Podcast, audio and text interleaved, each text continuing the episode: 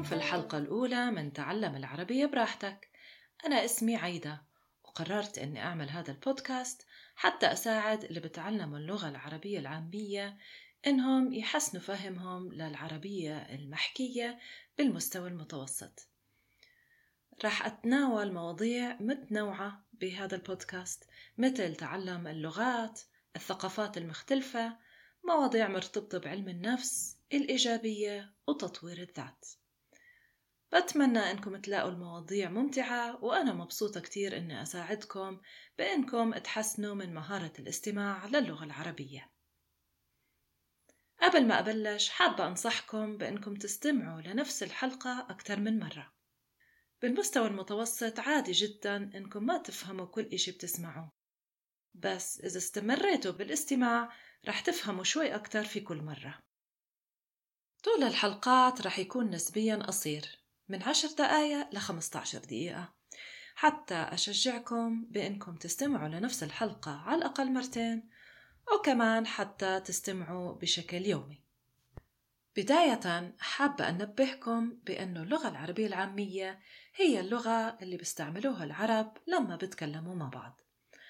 بينما شخص عم بخاطب جمهور بالعربية العامية فأحيانا رح يلجأ لإستخدام كلمات باللغة العربية الفصحى لأنه بهاي الحالة بيكون الأسلوب شبه رسمي.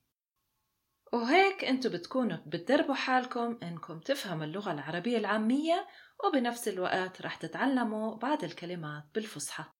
اليوم أنا بدي أحكي عن بعض الأمور اللي بحبها أو ما بحبها بالعالم العربي.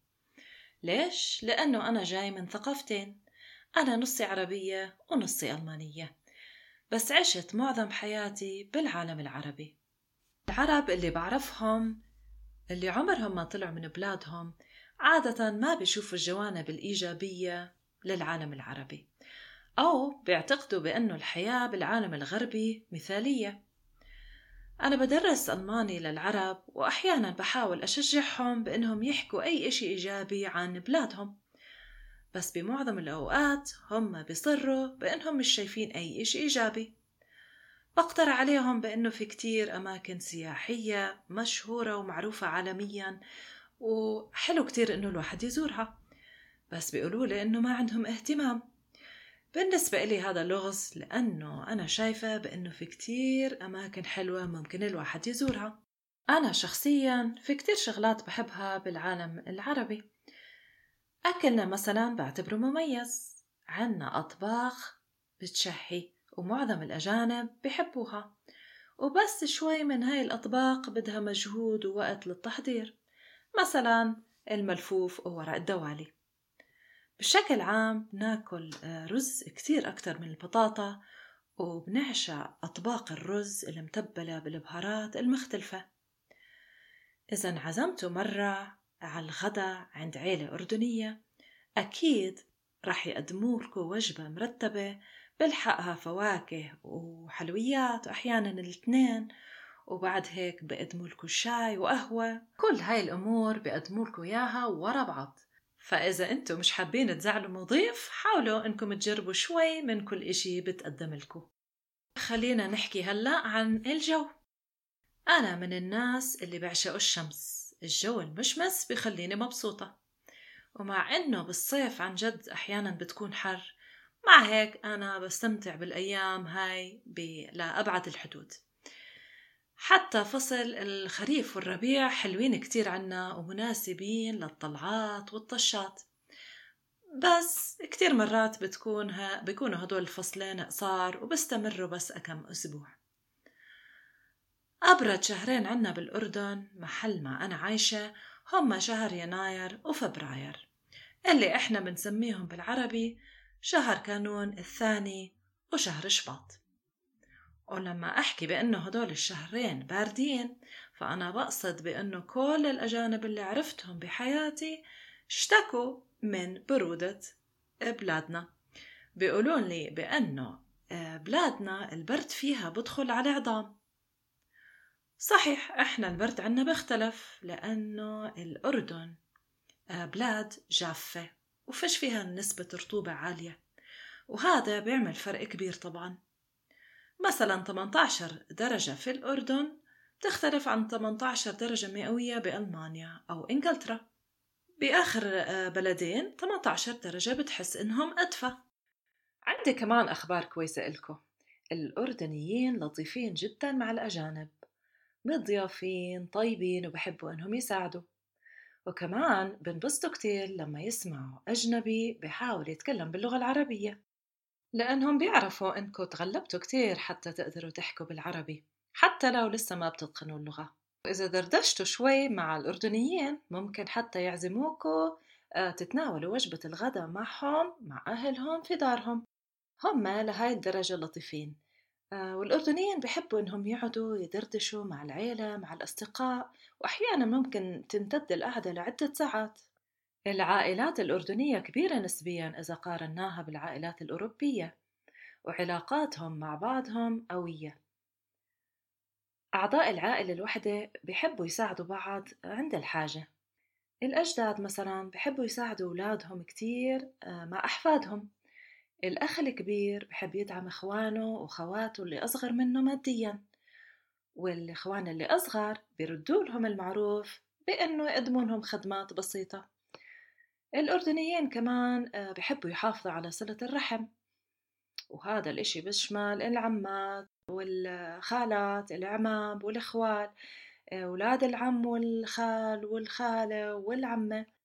يعني بشكل عام بحبوا يحافظوا على العلاقات والتواصل.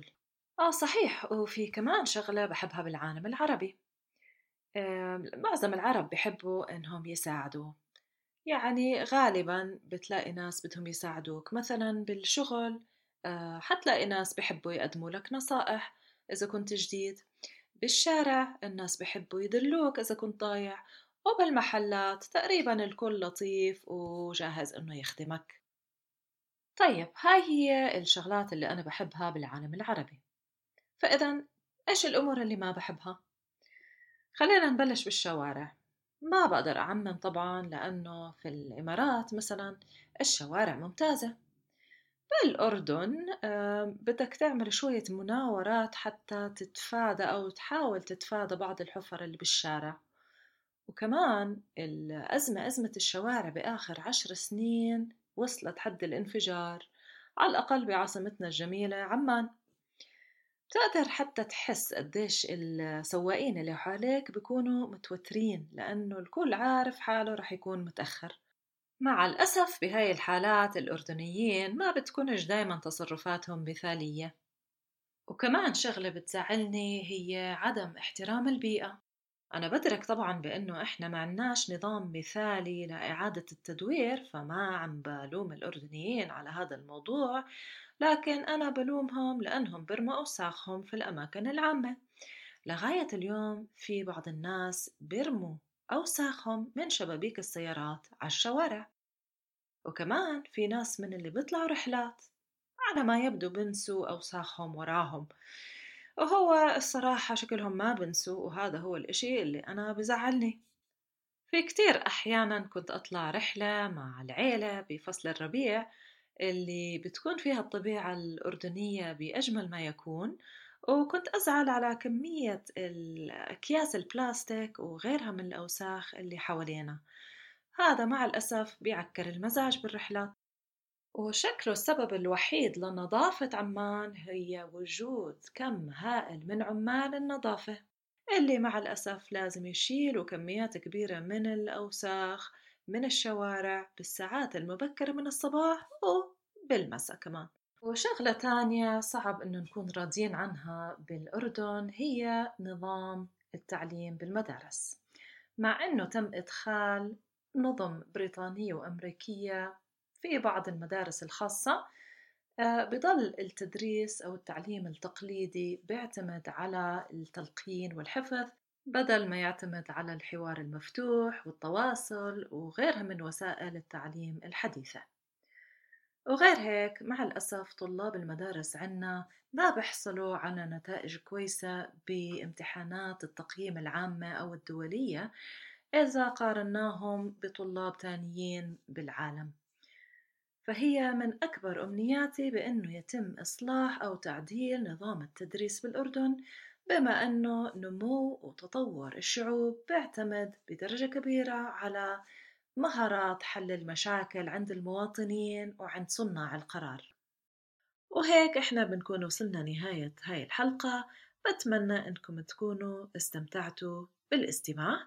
حاولوا إنكم تستمعوا لنفس الحلقة أكثر من مرة. لأنه هذا بساعدكم إنكم تتذكروا المفردات الجديدة وتتعودوا على نظام وتركيبة الجمل العربية. بتمنى إنكم تكونوا معي بالحلقات القادمة.